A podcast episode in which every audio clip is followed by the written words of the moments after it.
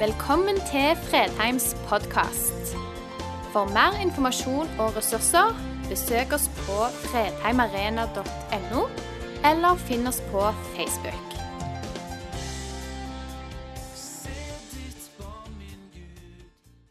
Har du noen gang fått en sang på hjernen? De siste par ukene har jeg gått og sunget på en strofe. Eh, og det, liksom, det, vil bare ikke slippe. Til og med nesten i søvne så surrer jeg rundt med disse her strofene. og Det er liksom ikke en sånn veldig tung salme, men en sånn enkel, liten himmelsang. Og Mange av dere kan kanskje ikke den. Dere må iallfall være over en viss alder for å ha hørt den sangen. Men denne strofen I barneår jeg hørte titt om himmelen. Jeg undret om det var virkelighet. Er liksom om igjen og om igjen og om igjen. Og så kommer det i koren. Nå ser jeg himmelen, hvilket herlig sted. Himmelen full av herlighet, Å, det gir meg lyst å komme dit. Sånn. 14 dager på hjernen. Så hvis de virker litt forstyrra i dag, så er det en ganske enkel forklaring. At den, Han har bare lagt der. Og så er det egentlig litt underlig, fordi jeg går ikke til daglig og lengter etter himmelen. Jeg gjør ikke det. Jeg vet ikke om jeg har det for godt. Livet har gitt mange utfordringer, men på en eller annen måte så, så tenkte jeg nok mer. Jeg hørte i alle fall mer om det før, når jeg var liten. Det var en del av tematikken i oppdragelsen hjemme, og det var en del av tematikken på bedehuset. Og det var ganske mange musikklag rundt omkring på bedehusene, og de sang om himmelen. Stort sett om himmelen. Er det lenge siden du har tenkt på det? på himmelen? Eller har vi mista det litt av syne? Teksten i dag henter vi fra Johannes' åpenbaring, og vi leser. Da var det som om jeg hørte lyden av en stor skare.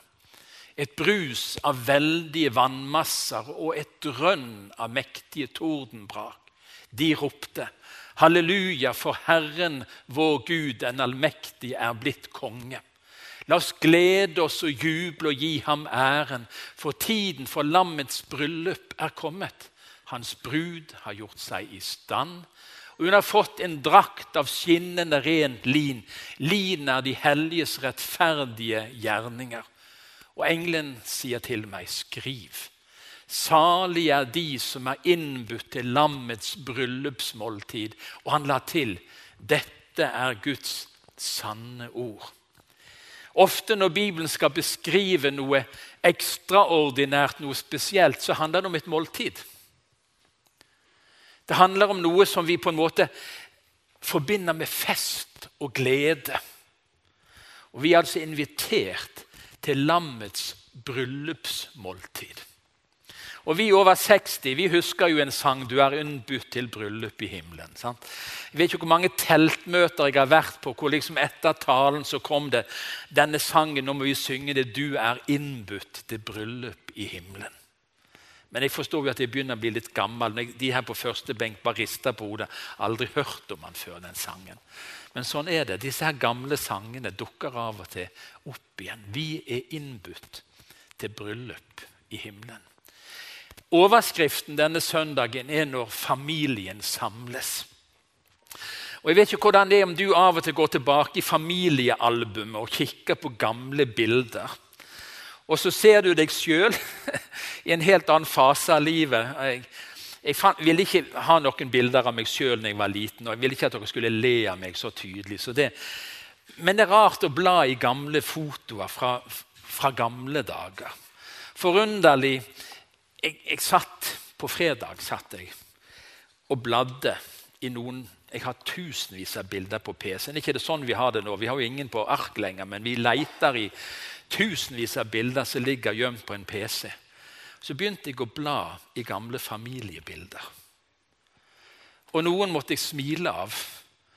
Og Noen forklarer ganske mye, for mange av bildene var fra måltidsfellesskap. Av en eller annen grunn var det grådig mange bilder når vi satt rundt et bord og spiste. Noen bilder skapte sorg.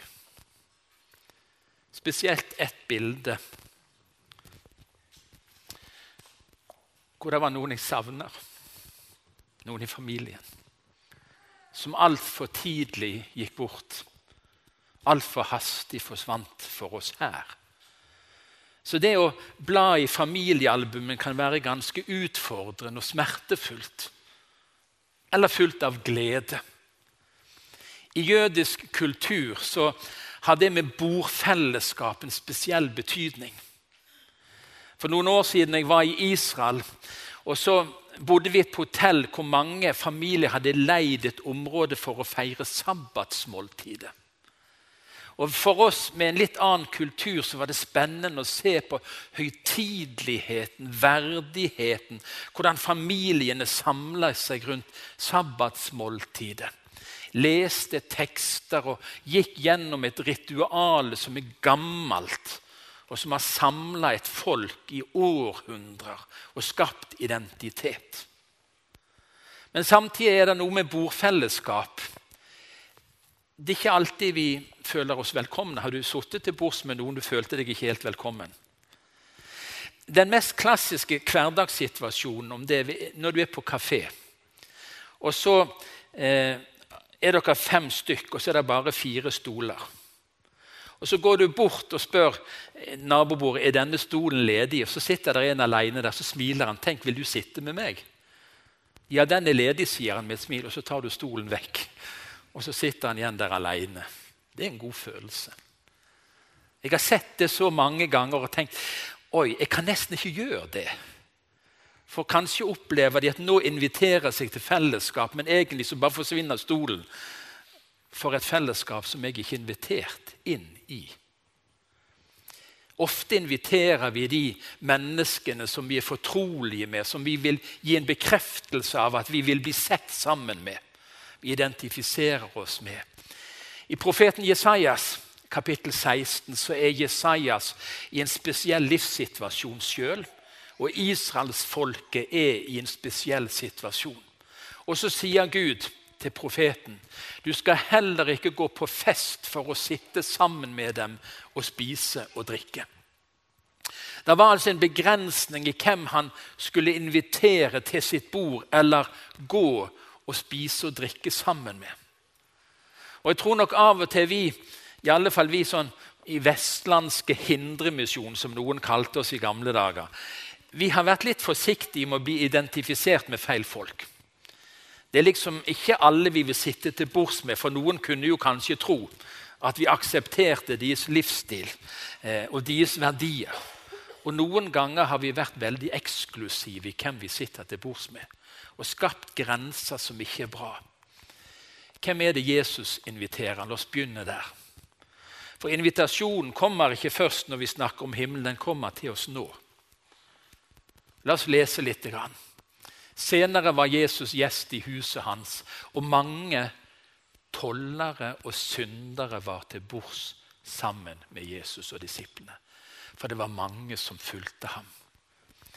Fullstendig ute av kontekst og det som er vanlig kutyme, så inviterer Jesus til sitt bordfellesskap tollere og syndere. De som fariseerne ikke ville verken sitte til bords med eller bli oppfattet at de aksepterte på noen måte. Jesus satte bords sammen med disiplene sine og med tollere og syndere. Og Det er ikke rart så reagerer disse skriftlærde de så at han spiste sammen med syndere og tollere, og de sa til disiplene hvorfor spiser han sammen med tollere og syndere? Hvorfor i alle dager vil Jesus bli sett sammen med? Sitte til bords med? Og så svarer Jesus så nydelig. Jesus hørte det og sa til dem. Det er ikke de friske som trenger lege, men de syke. Jeg er ikke kommet for å kalle rettferdige, men syndere. Og Der burde det kommet et kollektiv halleluja. For er det noen her inne som ikke er syndere? Ja, jeg vet Noen av dere føler dere litt bedre enn andre. Det er greit. Men hvem vil våge å si det at det ikke verken i tanke, ord eller gjerning har vært noe i ditt liv som ikke bryter med Guds bud? Er det noen som Nei, det, det ser ut som dere forstår budskapet. Det er det mest befriende budskap vi kan fortelle. At rundt Jesus, til bords sammen med Jesus, der trivdes tollere og syndere atskillig bedre enn fariseere og skriftlærde. Hvorfor? Fordi han kom for å kalle syndere. Hvem er det som inviteres til bord hos Jesus? Det er sånne som oss. Og de som vi tenker er mye verre stilt enn oss. Det er de han kom for. Det er de han inviterer. Det er de han vil inkludere rundt bordet. Men så er det en smerte hos Jesus som vi nesten ikke klarer å forstå. Eller vi klarer ikke å forstå den. Himmelriket kan sammenlignes med en konge som skulle holde bryllup for sønnen sin. Han sendte tjenerne sine til de innbudte og ba dem komme til bryllupet. Men de ville ikke komme. Men de ville ikke. Og så gikk de hver til sitt. Noen til arbeidet sitt, noen til familien sin, noen til ulike ting som de var opptatt av. Og så sa de nei til invitasjonen. Og Så leser vi mange ganger hvordan Jesus så utover byen og gråt. Og fortalte om hvordan han ville samle de, invitere de, inkludere de, men de ville ikke. Vi inviteres, og vi må svare på invitasjon. Det har vært skrevet litt i det siste, eh, og jeg har hørt noen kommentere det at det er nesten litt pinlig å gå på bedehuset. Vi er bare en liten sekt. Jeg har møtt noen kristne i det siste som har nesten vært litt sånn flau over Er vi virkelig bare en sånn Er det bare oss? En sånn bitte liten gjeng som samles på et bedehus. Det blir nesten flaut. Og i de fleste av oss så liker vi egentlig å høre til denne store mainstream, det som er akseptert blant andre. Så kan vi få en følelse av at det er smått, dette her. Vi er ganske så få. Hør hva det står i Johannes' åpenbaring. Deretter så jeg en skare så stor at ingen kunne telle dem. Av alle nasjoner og stammer, folk og tungemål. De sto foran tronen og lammet, kledd i hvite kapper med palmegrener i hendene. Og de ropte med høyre, seieren kommer fra vår Gud, han som sitter på tronen og lammet. Vi er mange. Vi er utrolig mange. Mange flere heldigvis enn det som sitter her. Vi er spredt utover hver krok og krinkel hele, over hele jorden. Av alle nasjoner, folkeslag og tungemål så er det mennesker som priser navnet Jesus. Vi hører ikke til en liten sekt. I eh, Brasil regner i dag 74 de er medlemmer i den katolske kirke. Kristendommen er verdens største religion. Det er ca. 2,2 milliarder som er skrevet inn i kirkeprotokoller i forskjellige kirkesamfunn. Altså ca. 32% av verdens befolkning. Det er ikke en liten sekt. Det er mange. Vi er mange. Jo, Bibelen taler om at veien er smal, at den er utfordrende, at det er en brei vei. Men det er mange. Og vi vokser. Vi vokser. Dessverre ikke i Europa, som var kristendommens kjerneområde. Vi har mista litt av den arven som vi hadde, som har velsigna våre nasjoner på en helt spesiell måte. Kristendommens sentrum har forflytta seg til Afrika, til Asia, til Sør-Amerika. Men nå skal dere, dere må ikke love ikke le av det neste. Men jeg ble så oppbygd av den neste setningen. Hør nå. De ikke-religiøse har så lav fødselsrate at andelen deres vil synke. Amen. Dere skulle ikke le, sa jeg. Nei, men Det er jo litt festlig. Den kristne kirke vokser. Det, det har med at vi føder litt flere barn enn gjennomsnittet. Men det handler også om vekkelse på andre kontinent. Hvis du går og føler at i Sandnes er du en liten minoritet På arbeidsplassen din føler du deg aleine. Og så er det liksom ikke bare det at du er liksom en sånn kristen, men du hører til liksom de der sære kristne som går på bedehus. Så Vi er bare en liten minoritet. Nei, vi er ikke det. Vi er mange. Jeg hadde bare lyst til å si det. Det kan ikke telles. Det er en skare som er så stor at den kan ikke telles. Fra alle folk og alle nasjoner og alle tungemål. Og De står der for å prise Gud og lammet. Du er ikke aleine. Vi er mange. Og Av og til skulle vi ha sånn gammeldagse stevner. Vet ikke om noen av dere reiser på stevner. Jeg elsker bedehushistorien. Og Når jeg leser om vekkelsene på 1880-90-tallet, så kan jeg lese om stevner hvor de hadde 7000-9000 mennesker på stevne. Om de kom syngende, roende over fjorden, og de satte seg opp etter fjellsidene. Og de måtte litt av noen stemmer, de predikantene som skulle tale til de der mange tusen. Tusenvis som samla seg til stevne. For vi er mange. Men en dag skal vi få lov å se det. Og være en del av den skaren som ikke kan telles. Vi skal synge i et kor som er ubegripelig stort men vi kan sangen. Det å ha himmel over livet, folkens, det er litt av en velsignelse. Kommunistene de sa det, de advarte mot religion og sa at det var opium for folket. De mente at lengselen etter himmelen gjorde folk virkelighetsfjerne og passive i møte med urettferdighet og undertrykkelse. De tok feil, sier Kari Fure. For nettopp håpet om himmelen, troen på frelsen og livet etter døden, gjør mennesker virkelighetsnære. De gir kraft til å takle livet selv når det menneskelig sett virker uutholdelig. Det er sant. Det er ingen institusjoner som Den kristne kirke som har gjort så mye for å hjelpe mennesker. Jo, vi har mange mørke kapitler i kirkens historie. Men det er bare en bitte liten del av bildet. Overalt der hvor kristne mennesker har satt sine føtter, har omsorg for medmennesker fulgt dem. Omsorg både for det timelige og for det åndelige. Vi sender misjonærer ut til alle verdens land, og vi driver det vi kaller holistisk misjon. De driver barmhjertighetsarbeid, omsorgsarbeid, diakonalt arbeid. De lager arbeidsplasser, og de forkynner evangeliet skolevesenet, helsevesenet. Hvor oppsto det? Som en frukt av den kristne kirken. Som en frukt av mennesker som hadde himmel over livet sitt.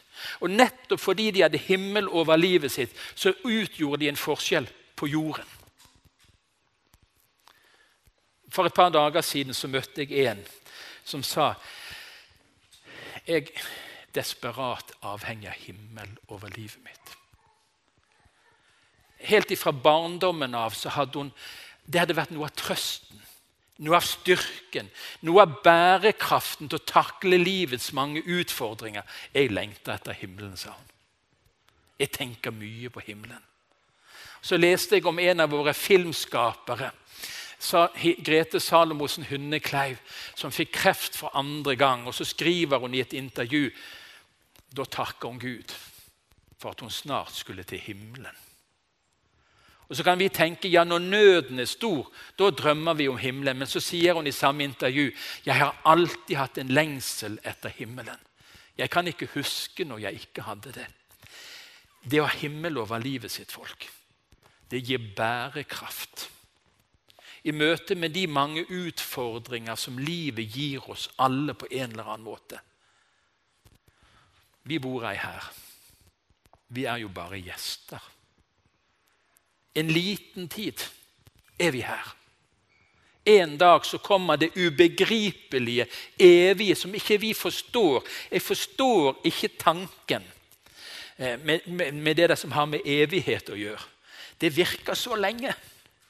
Men vi hadde en liten bønnestund her oppe i formiddag før, vi, før gudstjenesten. Og Da kom det liksom noen sånne artige bilder å kunne tenke på om himmelen. Hvorfor er det greit at det varer lenge? Jo, hvis, ha, hvis, vi alle sammen skal møte Gud og ha en prat, da trenger vi lang tid. For vi er jo milliarder som skal møte han. Og da gjør det ikke noe. Vi må vente litt. Et år eller to eller ti eller 15. Vi har jo tid. Vi har jo tid. Og hvis vi liksom har lyst til å rusle en tur med Jesus, ja, så er det sikkert kø. Men hva gjør det? Vi har jo tid. Vi har god tid til å vente. Og Jeg tror ikke vi bare skal synge i himmelen. Jeg beklager å si det. Det er ikke noe negativt til dere. Men jeg tror vi skal gjøre annet enn å synge òg. Altså. Det hadde blitt litt tungt å synge i en evighet. I alle fall for noen av oss. Men du, himmelen ha himmel over livet sitt gjør noe med livet. C.S. Lewis sa det på denne måten. Hvis målet er himmelen, får du jorda på kjøpet. Er målet ditt jorda, får du ingen av delene. Det er godt sagt. Og så er det en helt annerledes virkelighet. Og Nå går vi inn i det som på en måte skulle være hovedbudskapet denne søndagen. Og jeg så en ny himmel og en ny jord. For den første himmel og den første jord var borte, og havet fantes ikke mer. Der kommer altså en nyskapelse. Der kommer en ny himmel, og det kommer en ny jord. Og nå skal vi kikke litt på noen av disse uttrykkene her i Johannes 20. Johannes åpenbaring 21. Og havet fantes ikke mer. Det er noen her som elsker havet. Det er noen her som har båt. Men de fleste er litt redde for havet. Havet brukes i Bibelen i flere betydninger, men ofte som et sted som skaper frykt og uro. Og Jeg er gift med en kone som blir sjøsyk når hun kjøper lodd i Sjømannsmisjonen. Hun sier i alle fall det. Og Når Bibelen sier det havet er ikke mer. Det som skaper frykt, er ikke der lenger. Det som har tatt så mange liv, det er ikke der lenger. Der er ikke det som ødelegger, det som du frykter, det som bryter ned. Det er ikke der lenger. Og så står det og nå Hvis du har lest i første Mosebok om skapelsen, så vil du se noen av disse her tingene henger sammen. Det begynner i første Mosebok med skapelsen, og så avsluttes det i Johannes' åpenbaring. Han skal bo hos dem, og de skal være hans folk og Gud selv skal være hos dem. Han skal være deres Gud. Jeg vet ikke helt hvordan vi skal forstå første Mosebok når det står når Gud vandrer i hagen og snakker med Adam og Eva. Det er jo helt fantastisk ubegripelig. Det var tanken fra Guds side. At Gud og mennesket skulle være nær. Gud og mennesket skulle rusle rundt i den svale aftenstimen, som det står. Så skulle de ha seg en liten kveldstur i hagen. Sånn var det tenkt. Det er blitt ødelagt. Men det kommer en tid når det skal bli sånn igjen, folk. Han skal bo hos dem. Han skal være hos dem. Han skal være deres Gud. Den enheten, den nærheten, den fortroligheten vi er skapt til, skal gjenopprettes. Vi sang en sånn barnehimmelsang, men jeg ønsker også Jesus først av alt. I himmelen er det mange ting jeg ønsker å få se. Men jeg ønsker å få se Jesus først av alt. Vi skal vandre sammen med Gud, folk. Vi skal være nær. Vi skal være fortrolige. Og så står det i vers 4.: Han skal tørke bort hver tåre fra deres øyne, og døden skal ikke være mer. Heller ikke sorg eller skrik eller smerte, for det som en gang var, er borte. Folk, det skal ikke være sorg. Det skal ikke være død. Det skal ikke være savn. Det skal ikke være sykdom, det skal ikke være tårer, det skal ikke være smerte. For en dag det skal bli. For en tid som ligger foran oss. For en framtid som venter Guds folk. Når familien skal samles rundt bryllupsbordet, skal være i himmelen som, hvor alt er annerledes. Hvor alt er gjenskapt på nytt etter Guds design. Og Poenget er det blir aldri noe brudd eller noe fall eller noe som ødelegger. Det som før var, det er borte. Det er ikke lenger. Han som har vært vår fiende fra skapelsen av, han er bundet og kasta i ildovnen. Og fortapelsen er ikke skapt for et menneske, sier Bibelen. Den er skapt for djevelen og hans engler.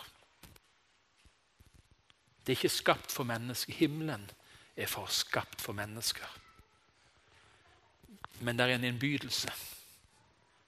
Det er en invitasjon vi må svare ja på for å få lov å være der. Hva er det klassiske svaret på følgende spørsmål? Eh, tror du at du kommer til himmelen? Regner du med å komme til himmelen? Hvis du hadde gått ut på gaten i Sandnes og spurt sånn gjennomsnittlige folk eh, sånn, Vi bor i, sånn, i bibelbeltet, dere vet det. det, det her Østlendinger misunner jo oss. For De tror at alle i Sandnes er kristne, for vi bor i bibelbeltet. Hvis du hadde gått ut i Langgaten og spurt tror du at du kommer til himmelen, hva tror du det vanlige svaret hadde vært? Jeg tror svaret hadde vært omtrent sånn. Det håper jeg på. Det håper jeg på. Er du enig? Det håper jeg på. Og Hvis jeg da hadde stilt spørsmål hva bil brukte du ned? Ja, det var en Audi. Ja, hva, Vet du adressen du bor i? Ja, det vet jeg hva, du vet hva jeg har oppi posen du har kjøpt til middag. Ja, det vet jeg. Men du vet ingenting om himmelen. Nei, det håper jeg på. Vi vet mye, men så håper vi på himmelen. Vet du hva? Det er ikke godt nok. Himmelen, det viktigste i våre liv som mennesker Vi tror jo at denne jorden er det viktigste. Himmelen og evigheten er det viktigste folk. Det, det skulle være mer enn et håp. Og Jeg vet ikke hvordan du er. Hvis jeg hadde spurt deg helt konkret regner du med å komme til himmelen, jeg håper det. Hør hva det står i Bibelen. Dette har jeg skrevet til dere for at dere skal vite at dere har evig liv, dere som tror på Guds sønns navn, for at dere skal vite. Og jeg har lyst til å si det nå mot avslutningen av denne preken. Når du går ut herfra i dag Jeg har lyst til å si det sånn Du får ikke lov å gå ut før du vet. Hvis du ikke vet, da må du stanse igjen til forbønn og samtale eller et eller annet. Da må vi få lov å lese Guds ord inn i ditt liv og over ditt liv. Guds løfte. For du må ikke gå hjem fra Fredheim en søndag hvor vi har snakket om himmelen. Det håper jeg på. Og enda verre hvis du tenker ja, ja, Hvorfor håper du? Jo, for jeg er ikke verre enn andre. Hvis det er ditt håp, da ligger du tynt an. Men hør, du kan få vite. Det er det bibelske budskapet du skal få lov å vite. Og hvordan kan vi vite? Dere som tror på Guds sønns navn. Dere som tror på Guds sønns navn. De kan vite. Og da kan du si ja, men jeg har så liten tro. Min tro. Hadde du visst hvor liten min tro er, så hadde du forstått meg at jeg bare går rundt og håper. Men vet du hva? det betyr ingenting hvor liten troen din er, hvis det er en tro på Jesus. Jesus er stor nok til å romme den minste tro. Den svakeste tro og den sterkeste tro. Jesus er stor nok til å romme deg hvis din tro er på Han. Hvis din tillit er at det Jesus har gjort, det er det som åpner himmelen, og ikke mine gode gjerninger og mine ønsker og drømmer og bønner og forsøk på å ta meg sammen, det nytter ikke. Så har du bare en bitte liten tro på Jesus. Den som tror på Guds sønns navn. Det er nydelig å få lov jeg skal lese et ord som dukket opp på bønnemøtet før møtet i dag. Alle dem som tok imot ham. Alle dem som tok imot ham, ga han rett til å bli Guds barn. Og fra Salme 34.: Gud er nær dem som har et sønderbrutt hjerte. Hvis du går og kjenner at det ikke er sånn ideelt i ditt liv som det skulle være, så vil Gud være deg nær. Og Han gjør ikke forskjell. Det er ikke noe A-lag og B-lag og noe eliteinnbydelse. alle de som tok imot han, ga han rett til å bli Guds barn. Skal vi si det en gang til? Vet du, vet du det nå? Hvis du er utrygg på om du har tatt imot Jesus, da går du ikke ut. Vær så grei. Stans igjen. Få ordna opp det der med Jesus med en gang. Ikke gå ut og lur på det. Og har du fått orden på det, og hvis du sitter her nå og tenker jo, jo, men jeg tror jo på Jesus, da kan du reise deg og si 'Jeg vet'. Og vet dere hva vi skal synge nå etter preken? Noen som tør å gjette på hva sang det er? sto på 119 i den gamle sangboken, bare så dere er klar over det. Det er et salige visshet. Jesus er min. Dette har jeg skrevet til dere for at dere skal vite. Tror du på Jesus, så kan du svare ja, jeg skal til himmelen. Jeg skal til himmelen. For det er faktisk nok det som Jesus gjorde, skal vi be sammen. Jesus, vi takker deg. Vi priser deg for at det er nok det du gjorde på korset, Jesus. Det trengs ikke noe mer offer.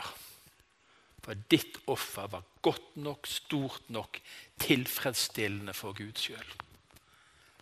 Og så handler det for oss som er her, å ta imot en invitasjon til et bryllupsmåltid hvor vi skal få sitte lenge til bords.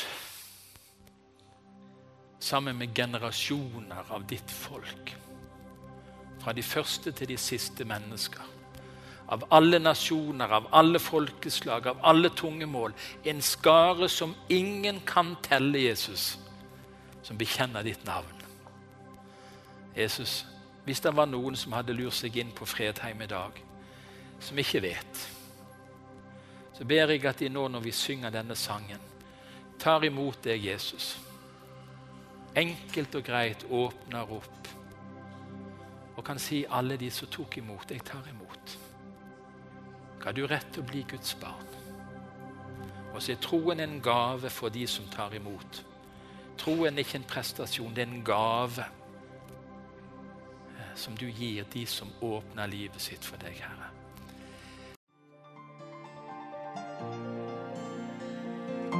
Takk for at du valgte å høre på.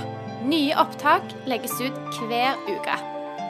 Vi har gudstjenester hver helg, og du er hjertelig velkommen.